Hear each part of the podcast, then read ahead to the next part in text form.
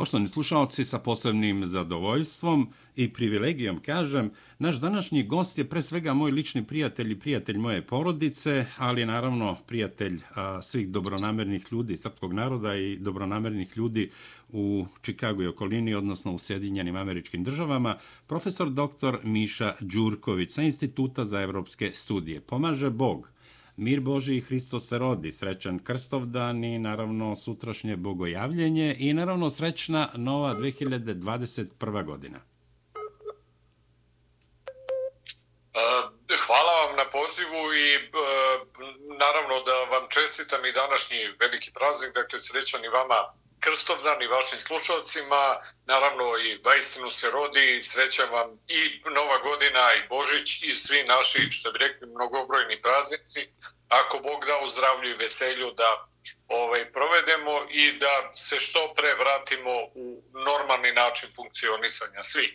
Da, profesor Đurkoviću, moram da kažem da se nismo dugo vremena čuli, par godina, a poslednji put, e, naravno, u najpozitivnijem smislu reči, uh, kad kažem poslednji put smo se videli na svadbi moje kćerke Olge, profesora doktora Olge Ravasi u Beogradu. Bili smo zajedno na venčanju u crkvi i evo, prijatelji, ali dugo se nismo videli, vi ste menjali telefone, ali se nismo ni čuli. I sa posebnom radošću smo se oba dvojica jedan drugom obratili u subotu, čini mi se, kad smo se čuli, to me tako nekako i obradovalo i dirnulo da a, smo se čuli posle par godina. Pa u svakom slučaju i sad se radujem što smo u kontaktu i što ćemo se, ako Bog da videti svakako u Beogradu, čim prođe ovo čudo od korone.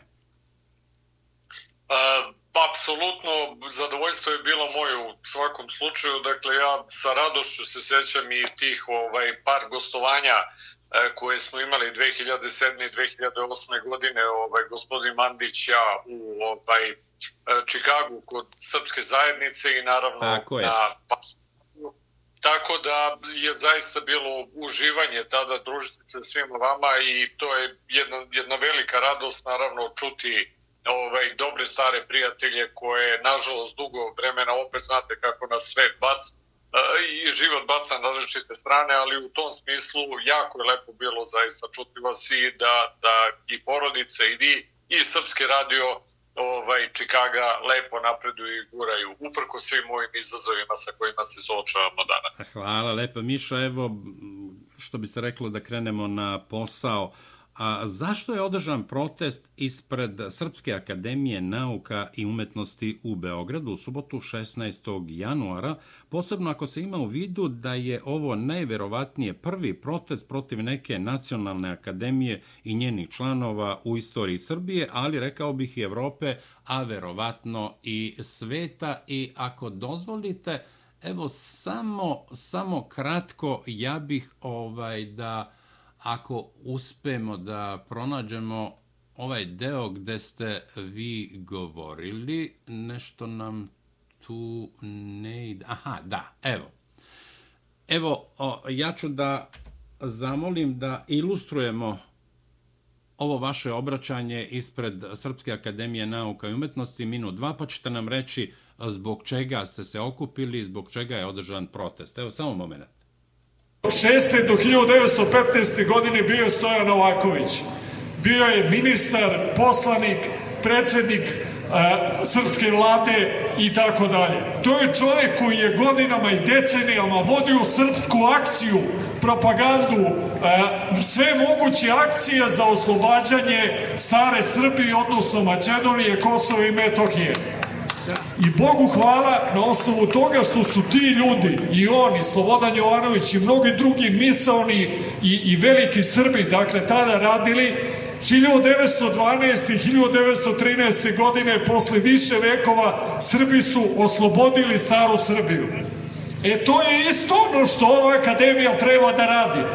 Treba da ima odbor za demografiju, treba da organizuje skupove na kojima ćemo da vidimo kako da obnovimo demografsku substancu, a ne da Evo, Mišo, ovako ste govorili ispred Srpske akademije nauka i umetnosti, dakle, zbog čega je održan protest? Pa evo da probam u najkraćem. Dakle, na čelu ove institucije uvažen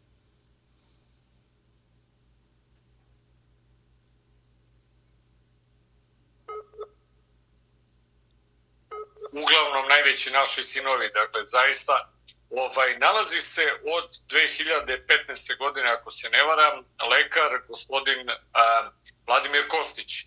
I gospodin Kostić, dakle, ne samo od nedavno, nego od tada kontinuirano nastupa u srpskoj javnosti sa jednim stavom oko pitanja budućnosti Kosova i Metohije, koji je po mom, i ne samo po mom, dakle, po ovaj, pogledu, ajde da kažemo, svih ovih ljudi koji su reagovali i peticijama i na različite načine, dakle, neprihvatljiv. Dakle, gospodin Kostić nastupa uh, u javnosti sa pričom o tome da, kako je onda citiram, uh, Kosovo i Metohija ni de facto, ni de jure više nije srpsko i da mi od toga treba da dignemo ruke i da se posvetimo nekim drugim stvarima. Dakle, mi smo mnogi od nas reagovali još tada i 15. i 16. i ja sam imao jedan tekst naslovljen upravo predsednik akademije u ovaj, mislim 2017. godine u politici i e, razumljivo, dakle i u ovakvoj srpskoj javnosti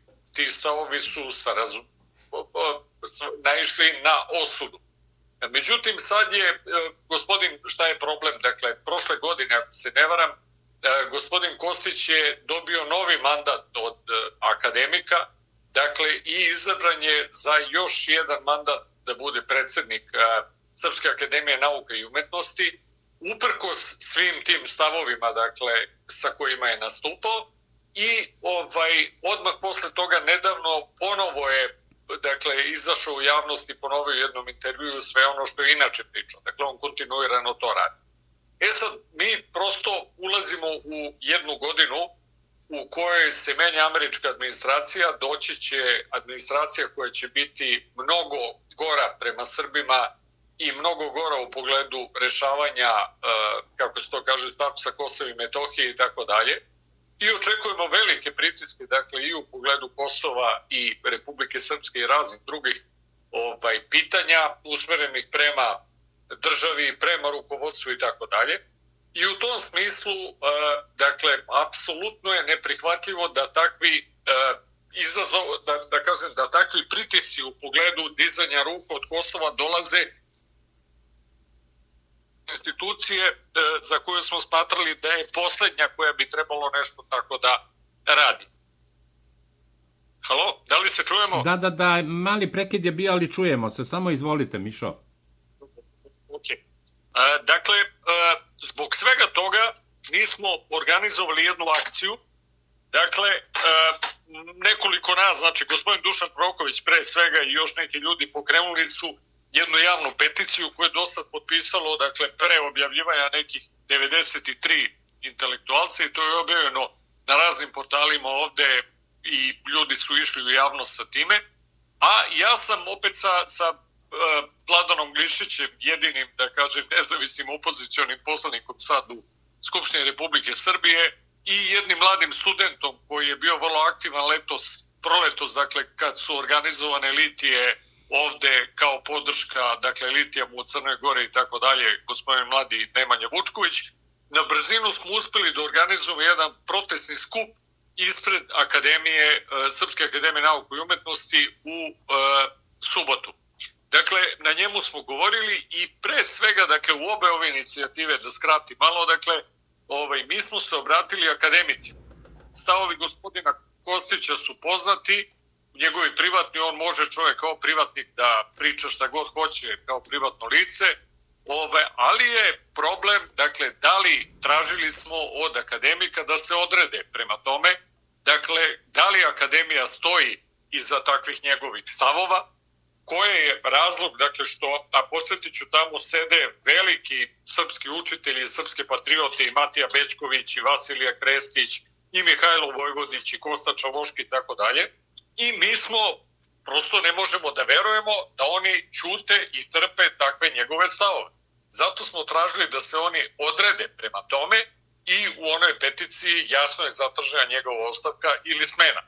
I to je bio ključ da vidimo zapravo kako smo došli dotle da najuglednija akademska srpska institucija vodi politiku, odnosno da njen čelnik u javnosti nastupa sa protivustavnih stavova i sa stavova koji su duboko suprotni interesima i srpskog naroda i naše tradicije i tako dalje. I to je zapravo bio razlog što smo se organizovali, taj protest je po meni jako uspeo, ovaj, jer upućene su poruke, bila je vrlo, vrlo lepa medijska pokrivenost, došlo je fino ljudi i vrlo kvalitetnog sveta, dakle, koji je sve to podržao i prosto time smo pokrenuli jedan proces ukazivanja na probleme koji se nalaze u, vezi, u, u akademiji i pokušaj da dakle sprečimo uh, gospodina Kostića kao predsednika akademije da nastupa sa protivustavnih i moramo da kažemo antidržavnih pozicija. To je ukratko bio razlog što smo pokrenuli sve ovo i naravno sad tu otvorila se i neke druge pitanja, vi ste videli, možemo o tome kasnije, taj spor oko te izložbe. Generalno moram da kažem da negde usmeravanje akademije u pravcu tom, da kažemo, drugosrbijanstva, zapravo glajk šaltovanje i odelenja za društvene nauke i razne druge stvari koje se tu dešava, koje nisu dobre, prosto počinju polako da izlaze u javnost. Eto, to je ukratko razlog što smo pokrenuli ovaj protest i peticiju. Da, jasno. Profesore Đurkoviću, predsednik Srpske akademije nauka i umetnosti dr. Vladimir Kostić, da li je u pitanju izdaja srpskih nacionalnih interesa ili hajka, kako je u saopštenju navela Srpska akademija nauka i umetnosti, odnosno odeljenje istorijskih nauka Srpske akademije nauka i umetnosti. Oni kažu da je u pitanju hajka protiv akademika Kostića. O čemu se radi? To, to je isto i to saopštenje dakle, koje se pojavilo dakle, kao reakcija na ovo što smo mi pokrenuli i na ovaj protest, uh, juče uh, upravo istorijsko odeljenje uh, akademije izdalo jednu vrstu saopštenja. To je zapravo bio odgovor na sve ovo što smo mi radili. Oni su probali da kao ovaj, poture istorijsko odeljenje kao jel, najnacionalnije i koji u tom nekom svom odgovoru navodi šta je sve zadnjih 30-40 godina rađeno oko kulturnog blaga Kosova i tako dalje. To je jedna, što bi rekli naš narod, ono zavođenje za gole španinu, jer mi znamo dosta od tih stvari, nije to nama sporno. Mi smo njih pitali nešto drugo. Dakle, da li oni stoje iza ovoga što se, što gospodin Kostić radi, da li će oni njega da smene. Po ovome što smo danas videli, makar kao saopštenje uh, odeljenja istorijskog, dakle, oni su njega pohvalili i oni stoje iza toga, a ja sam i, i mnogi drugi ljudi ukazao na to da će time oni preuzeti njegovu sramotu na sebe. Ali to je, kažem, e, stvar koja onda zahteva mobilizaciju široj javnosti, da onda imamo problem sa celom akademijom, a ne samo sa ovaj gospodinom Kostićem. Sad, ceo taj rečnik koji oni koriste, tipa hajka, A, moram da kažem i ovi, što bi rekli, okupacioni e, mediji poput Danasa i sličnih stvari koji su govorili o linču i slično, to su budalaštine. Niti ko vodi hajku, niti linč, niti bilo šta, šta više. Dakle, vrlo precizno smo govorili o vladavini prava, izneli jedno ozbiljno kritičko mišljenje i ukazali da gospodin Kaustić krši i Ustav Republike Srbije, krši i e, njihove unutrašnje, da kažem, norme, odnosno statuti, dogovore oko javnog nastupanja i tako dalje, i to su apsolutno normalne i prihvatljive, e, kako bih rekao, e, norme e, društvenog dijaloga, kritike javnog rada, jer on je čovek na čelu jedne, da kažem, javne institucije koju država finansira i apsolutno je podložan kao i svaka druga javna ličnost kritici. Dakle, mi opet nismo u situaciji da pravimo bilo kakvu propagandu, hajku i tako dalje. Evo, čisto da ljudi ma ilustrujem kako izgleda baviti se ovakvim aktivizmom u, u Srbiji. Ovaj, protest u, e, sre, da, u subotu koji smo organizovali, da kažem, na brzinu, od troškova imali smo ovaj, 100 evra za iznajmljivanje ozvučenja koje smo nas trojica platili iz svog džepa. Eto, toliko imamo mogućnosti dakle, da vodimo hajku, a da kažem, s druge strane su ljudi koji u akademiji primaju ogromnu količinu novca i deo ovoga problema, da kažem, e, jeste zapravo e, kao i uvek kod Srba vrlo često, dakle to što za novac i privilegije ljudi su često spremni da rade razne stvari koje nisu baš moralno po meni prihvatljive. A profesore Đurkoviću, ovo pitanje bi verovatno trebalo postaviti ljudima čija ću imena navesti, ali evo pokušajte da odgovorite. Zbog čega čute akademici kao što su Vojvodić, Kosta Čavoški, Matija Bečković, Vasilije Krestić, na kontinuirano delovanje predsednika Kostića koje se najblaže može okarakterisati kao antiustavno i naravno zašto ne reaguju drugi organi države Srbije na ovo protivustavno delovanje predsednika Sanu Kostića, za razliku od akademika Časlava Ocića i Danila Baste, koji javno govore o ovom blago rečeno protivustavnom delovanju akademika Kostića. A, treba pomenuti akademika Predraga Pipera, dakle jedino koji je potpisao ovaj naš apel, dakle on je prvi, kad pogledate spiskove dakle, ovih ljudi, on je čovek koji je javno stao i njegova supruga je bila u subotu sa nama na protestu. E sad, da kažemo zašto to zaista bi morao čovek da pita njih. I mi smo to isto uradili. Da pitam, ja bih zaista voleo da ovaj, nam uvaženi zaista ljudi, ne treba da govorim vašim a, ovaj, slušalcima, šta za nas znači Matija Bečković i Kosta Čavoški i tako dalje, Vasilije Krestić, zašto ti ljudi dopuštaju sebi tu vrstu, da kažem, sramote na neki način, da uh, u njihovo vreme uh, Srpska akademija nauka i umetnosti bude zapravo stavljena na neki način na stup strama i da po prvi put se organizuje javni protest protiv akademije. Da srpski narod i to srpske patriote, znači ne ovi žene u crnom i ostalo dođu da protestuju protiv svoje akademije. To zaista, ja tu mogu da spekulišem, postoje razne tu priče koje su govorile, objašnjavale zašto je, na primer, ovaj, uh, uh, uh, gospodin Čavoški, pa i uh, Vasilije Krestić i njegovi, uh, da kažem, akademici, jer on je neosporno najveći autoritet i najuticajniji čovek u ovom odboru za istorijske nauke koji je izdao ovako saopštenje, koji su pre tri godine faktički e, na izborima za nove članove e, odbacili, bili ključni zapravo da e, srpske patriote poput Slobodana Antonića ili izvarednog geopolitičara, geopolitikologa ovaj, Milomira Stepića ne budu primljeni tamo, nego da budu ljudi poput Alpara Lošonca, dakle, ovaj, ili Pavla Petrovića, ljudi koji stvarno ne vidim čime su doprineli srpskoj nauci i da zapravo podstaknu taj proces drugosrbijanizacije odeljenja za društvene nauke i čitave akademije. E, ono što čujem to je da je Tibor Varadi, dakle, gospodin Tibor Varadi koji je profesor na Centralnom Evropskom univerzitetu, dakle, kod Sorosa, faktički postao najmoćnija figura, ne samo u odeljenju za društvene nauke, da na neki čudan način on zajedno sa gospodinom Kostićem uspeva da usmerava i da ovaj te velike ljude koje smo mi pominjali faktički na neki način kontroliše i da ih navodi da glasaju za Alpara Lošovce i tako dalje. Šta se tu dešava unutra? Ja mislim da bi velika stvar bila da mi prosto čujemo od gospodina Čavoškog, na primjer, zašto je on predložio Vladimira Vodinelića ovaj, pre koju godinu dakle, za mesto akademiji ili zašto je podržao Alpara Lošumca. Dakle, ja ne vidim šta je to što te ljude može da vodi ka takvoj vrsti odluke, ali u svakom slučaju Da, evo imamo mali prekid, ali nadam se da će to brzo proći. A, par sekundi. Profesore Đurkoviću. Da? Imali smo mali prekid, izvolite. Govorili ste o tome, za, da, da. čudite se zašto je Kosta Čavoški podržao izbor ne, dvojice ljudi koje ste pomenuli. I, i gospodin Vasilije Krestić iz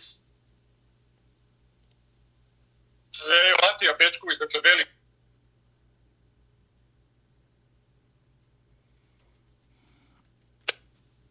da, da, da, da li se čujemo? Dakle? Da, da, da, da bio opet mali prekid, izvolite. Mislim da, da bi bila dobra stvar da vi prosto kao i drugi mediji okrenete te ljude i pitate ih zašto oni ćute i zašto trpe da gospodin Kostić na ovakav način predstavlja Srpsku akademiju nauke i umetnosti. Da. Evo, idemo o, nešto što je meni interesantno, ali podsjetit ću i naše slušaoce. Istorija Srpske akademije nauka i umetnosti počinje 7. novembra 1841. godine kada je osnovano Društvo srpske slovesnosti sa ciljem da proučava srpski jezik i na njemu propagira nauke. Srpska akademija nauka i umetnosti, odnosno Društvo srpske slovesnosti, osnovano je uredbom kneza Mihajla Obrenovića o Ustavu Društva srpske slovesnosti 7. novembra 1841. godine posle drugog svetskog rata. Zvanični naziv akademije promenjen je u Srpska akademija nauka i umetnosti, a od 1960. u Srpska akademija nauka i umetnosti. Vi ste, ako se ne varam, u jednom od intervjua rekli da je Srpska akademija nauka i umetnosti oteta od srpskog naroda, pa zašto tako mislite? Pa evo, ja sam već uveliko počeo da objašnjavam, dakle, tendencije koje idu u ovom pravcu, ovo o čemu sam pričao, da se radi o tome da, e, dakle, e, kako oni to, mnogi kažu, to može da se čuje u kularima ili to od, od stranih igrača možete da čujete, da Srpska akademija nauka i umetnosti, koja je, jel, e, pre 30 kusur godina stajala iza memoranduma ovaj, poznatog i koji ja mislim da je iako je nedovršen i tako dalje, pokazivo jednu visoku svest tadašnjih akademika o tome da se ovaj srpski narod nalazi u problemima i da oni imaju obavezu dakle da o tome progovore i da razmisle kako tu situaciju da promene.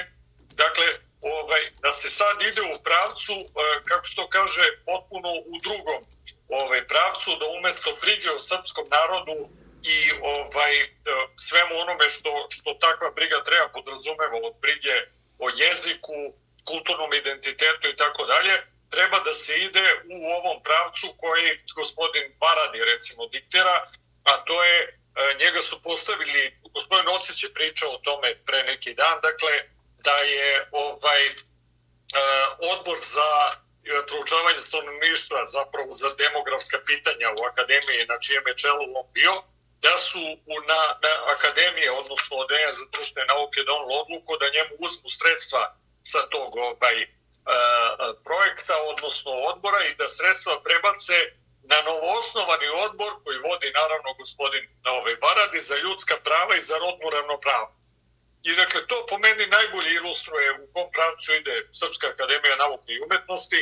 Dakle, umesto da brine o tome kako da obnovimo demografsku substanciju, kao što znate, ovaj, propadamo demografski kao i, i, i ovaj, gotovo svi narodi u Evropi, ovaj, oni prelaze na tu pseudo nauku, dakle takozvanu priču o rodnoj ravnopravnosti i to po meni jako dobro ilustruje celu priču.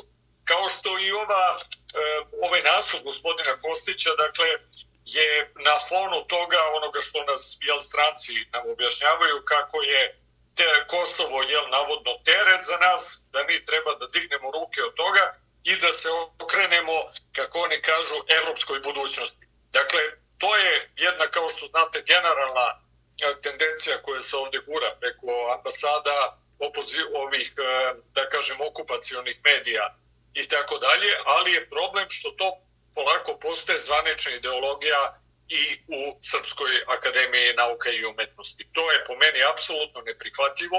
Ja sam zato rekao da ovo naše usmjeravanje svetla kao ovim neželjenim procesima vidim kao početak borbe za to da se Srpska akademija nauka i umetnosti vrati e, srpskom narodu i da služi njegovim potrebama, dakle da se bavi problemima o kojima sam ovde pričao, dakle od demografije, od toga kako da povratimo Kosovo, kako da sačuvamo Republiku Srpsku i tako dalje.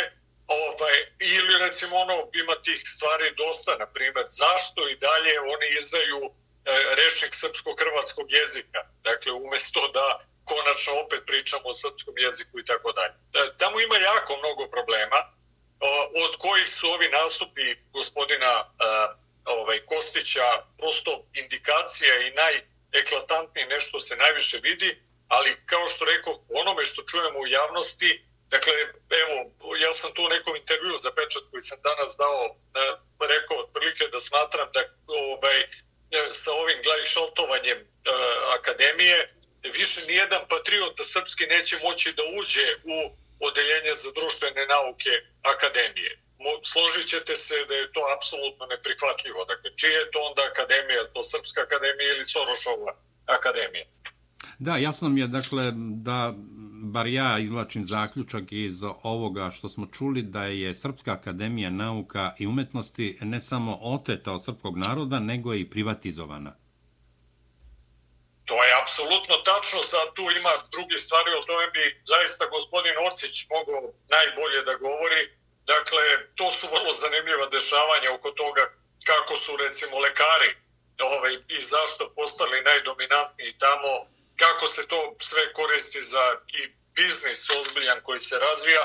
Kažem, ima mnogo toga što mi teško možemo da povežemo sa ovaj, onim čime bi akademija trebalo da se bavi, a ovaj, očigledno tu novac i biznis igraju sve veću ulogu. Da, profesore Đurkoviću, vi ste dobar poznavalac situacije i stanja u Crnoj Gori. A 30 godina na vlasti Milo Đukanović, izbori, pad režima, odnosno režima Demokratske partije socijalista, kažite nam, da li je moguće efikasnije i bolje raditi na demontaži režima Mila Đukanovića i Demokratske partije socijalista i kako ocenjujete poteze premijera Zdravka Krivokapića i vlade Crne Gore, naravno u svetlu kohabitacije sa Milom Đukanovićem?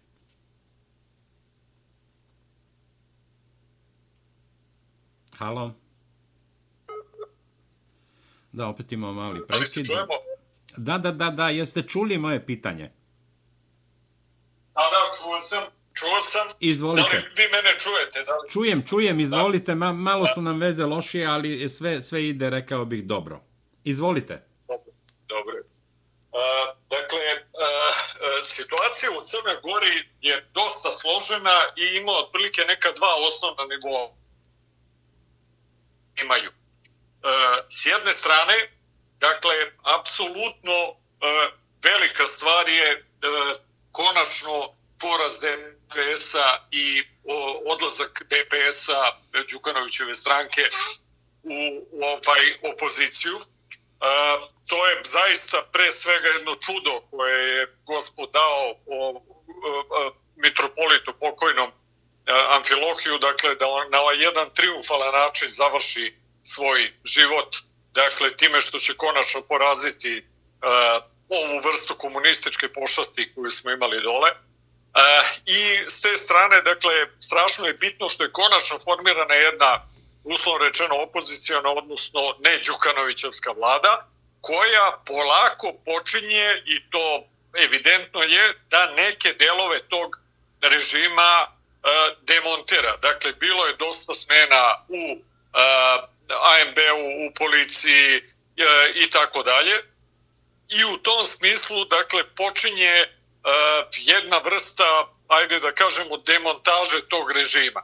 E, I to je radi jedna koalicija koja je, kao što znate, vrlo komplikovana, gde i pre formiranja vlade bili su jako veliki sukobi između Demokratskog fronta gospodina Krivokapića, Gojka Perovića, oca Gojka Perovića koji je politički vrlo važna ličnost i za ovaj, gospodina Perovića i tako dalje. I dva, zapravo moramo da kažemo da s jedne strane oni svi imaju dovoljno svesti o tome da imaju zajednički zadatak da ne dozvole povratak Đukanovićeva na vlast i da se nastavi sa tom tendencijom pada poverenja mislim da je DPS na ispod 35% po nekim istraživanjima, što je bilo nezamislivo za njih i tako dalje.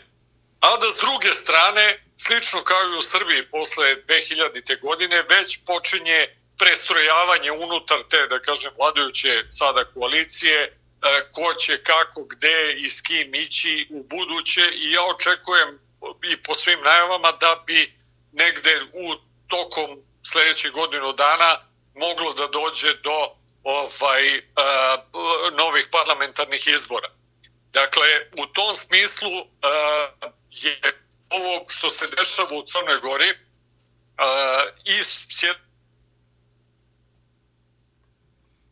Opet mali prekid. Naš gost je profesor dr. Miša Đurković sa Instituta za evropske studije u Beogradu. Mali prekid, izvolite Mišo.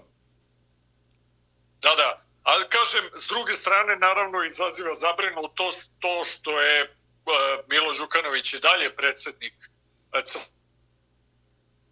ste jake mehanizme, dakle, kontrole nad svojom partijom, a kao što znate, to je u Crnoj Gori povlačilo i kontrolu drugih raznih paralelnih sistema moći.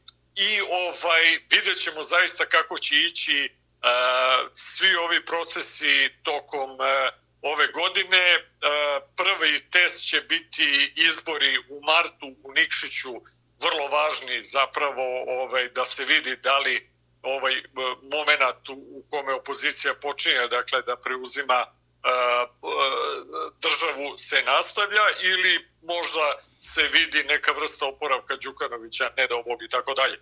Ovaj, I ono što je naravno dugoročno tu jako bitno, Crna Gora iako ima svega 600.000 stanovnika, ovaj, po nekim procenama i manje, je geostrateški jako važna država na ovom prostoru i za srpski narod je ona ne, strašno bitna, naravno to je 200 km obale gde su Srbi uspeli kroz vekove da opstanu od Boke preko Paštrovića do Bara i tako dalje. I mi se nadamo da je ovaj proces postepene demokratizacije Crne Gore krenuo, jer kao što znamo dole što je demokratskija država, to će više biti srpskija. Srpski narod u Crnoj Gori samo traži prava koja imaju odavno manjine dole, mi tražimo prosto da dobijemo pravo da se izjašnjavamo normalno kao Srbi i da svi ljudi koji se izjasne kao Srbi u Crnoj Gori mogu to normalno da kažu i očekujemo da će u normalnim uslovima zapravo srpski narod dole kao što je uvek bio kroz tradiciju biti većina, konstitutivni narod i tako dalje. Dakle, za nas kao Srbe najvažnije ove godine, uprko svim ovim političkim stvarima, jeste pitanje popisa i ovaj vrlo je bitno da se na sledećem popisu izjasni što je moguće veći broj ljudi kao Srbi, dakle ono što jesu, srpskim jezikom da govore i da polako sa ovim izmenama zakona krene konačno ovaj stabilizacija situacije oko položaja Srpske pravoslavne crkve. Dakle, to su najvažnija pitanja za nas. Da, i ono što treba reći da niko nema ništa protiv toga što je Crna Gora nezavisna, ali ima protiv toga da su ugrožena prava srpskog naroda i Srpske pravoslavne crkve od strane režima Mila Đukanovića. Tako je, tako je i to je sve dovelo dakle, do svih ovih dešavanja. E, videli ste da udar na, na crkvu, na Srpsku pravoslavnu crkvu je doneo, doveo prvi poraz ovaj, Đukanovića u istoriji. E, I naravno za nas je strašno bitno ovaj, da e, se stvore uslove u kojima će srpski narod moći normalno da funkcioniše dole. A o budućnosti ovaj, same Crne Gore, kako će ona izgledati u budućnosti, u koje će zajednice ulaziti, to je o tom potom neka priča. Za nas je naravno strašno bitno da se jedinstvo, da kažem identitetsko srpskog naroda i njegova prava na svim ovim prostorima očuvaju, a vidjet ćemo kako će izgledati neke zajednice u budućnosti, to nisu pitanja koja mogu danas da se otvare. Da, evo na kraju ovog dela o Crnoj Gori samo da saopštimo ekskluzivnu vest da je predsednik opštine Ulcinj i funkcioner Demokratske partije socijalista Albanac Ljoro Narekić sa četiri saradnika uhapšen danas zbog više krivičnih dela. Svima se na teret stavlja nezakonito zapošljavanje radnika po ugovorima o privremenim i povremenim poslovima. Očigledno da se nešto dešava i po dubini da se čiste kadrovi Mila Đukanovića. Pa, kao što znamo, oni su bili strasli. Crna Gora je jedna, jedan prostor u kome je država bila srasla sa partijom i sa mafijom. I danas onaj ko hoće da uvede vladavinu prava na tom prostoru gde god zagrebe naći će tragove nelegalnih poslova, veza sa raznim oblicima mafije i tako dalje. I to je prosto očekivano i nova vlast ima obavezu da polako, da kažemo, vraća institucije a, a, u, u okvire pravnog delovanja i da ih odvaja i čisti od ove vrste kriminalnih dela koje su prosto bila, što kaže, normalan način funkcionisanja. A, to će biti težak i dugoročan a, proces, ali je naravno bitno da je on krenuo. Da, profesore Đurkoviću, evo i za kraj našeg današnjeg razgovora, Sud za ratne zločine, takozvane oslobodilačke vojske Kosova, voleo bih da nam kažete šta očekujete od tog suda, posebno u svetlu informacije da je, čini mi se, u petak likvidiran haški svedok. Naime, bivši pripadnik policije Kosova Fadilj Suljević koji je haški svedok protiv Hašima Tačija i ove četvorice, petorice, koliko ih je zatvoreno u Haškom tribunalu, odnosno u zatvoru Haškog tribunala za zločine takozvane OVK, pronađen je mrtav na putu od sela Matičane prema Veštačkom jezeru Badovce. Da li je krenulo uklanjanje, odnosno bolje reći ubijanje sedoka takozvane oslobodilačke vojske Kosova, protiv optuženih za teške ratne zločine na čelu sa bivšim predsjednikom takozvane države Kosovo, Hašimom Tačijem. A, vi ćete se setiti, vaši slušalci, da posebno slučaja Ramuša Haradinea, dakle, ovaj, čiji je advokat bila gospođa But, žena Tonija Blera, i koji e, je na kraju oslobođen optužbi zato što su svi svedoci koji su postojali za njega pobijeni. Dakle, preko 10 svedoka je stradalo, dakle, ubijeno ovaj, i po čudnim okolnostima i na taj način je rešen njegov problem. Dakle, uh, zašto mislim da se to sada neće dešavati? E, zato što u ovom trenutku, kako vidim, dakle, celu ideju oko tog posebnog suda za zločine OVK, što je vrlo zanimljivo, dakle, njih nisu sudili u principu u paketu sa svim ostalima, dakle, u ovom Haškom ovaj, iktiju, kako su ga zvali, znači, posebnom tribunalu za zločine u, u, na prostoru bivše Jugoslavije, nego su ih izvojili posebno, I ono što ljudi koji poznaju to kako međunarodna zajednica takozvana zloupotrebljava ideju političke pravde, odnosno političkog upotrebe suda, dakle, smatruju da je čitava ova priča sada a, dakle, pokrenuta s jedne strane da bi se Tači isprečio da učestvuje u ovim procesima pregovora oko razgraničenja, a su to Nemci, recimo, jedan deo Britanaca uradili veliki posao, A drugo ono što se odavno čuje, to je o nekim procesima ovde promene političkih elita na prostorima Balkana i dugo već se priča o tome da ovu moćnu, da kažem, političku elitu u a, a, Prištini, dakle, koju uključuje te ratne komandante poput a, Hašima Tačija, Ljimaja, pa i Haradine i tako dalje, Veselija koji je takođe jedan od najvažnijih ljudi. Da, koje nazivaju šumski ljudi. Tako je, da, ali pazite, to su ljudi koji su ozbiljni igrači bili jer imaju i dalje svoje e, trupe na neki način, kao što znamo kontrolisali su razne lukrativne poslove i tako dalje i postoji ideja već dugo vremena da se oni na neki način uklotne razmontiraju i da dođu neki koji bi bili ipak poslušniji, a manje autonomni u celoj priči i tu sad ovaj recimo Nemci su imali očigledno ovaj ovoga uh, Kurtija kao svog favorita i tako dalje. Tako da celu ovu priču naravno naučili smo da sve ovo što se dešava sa tribunalima u Hagu nema veze sa uh, pravdom, nego da se ljudima, e, da se zapravo ceo taj tribunal koristi pre svega da bi se vršile pritisak na političke elite i na države. Ovde setit ćete se i slučaja Gotovine i slučaja Praljak i tako dalje, a da ne govorimo o Srbima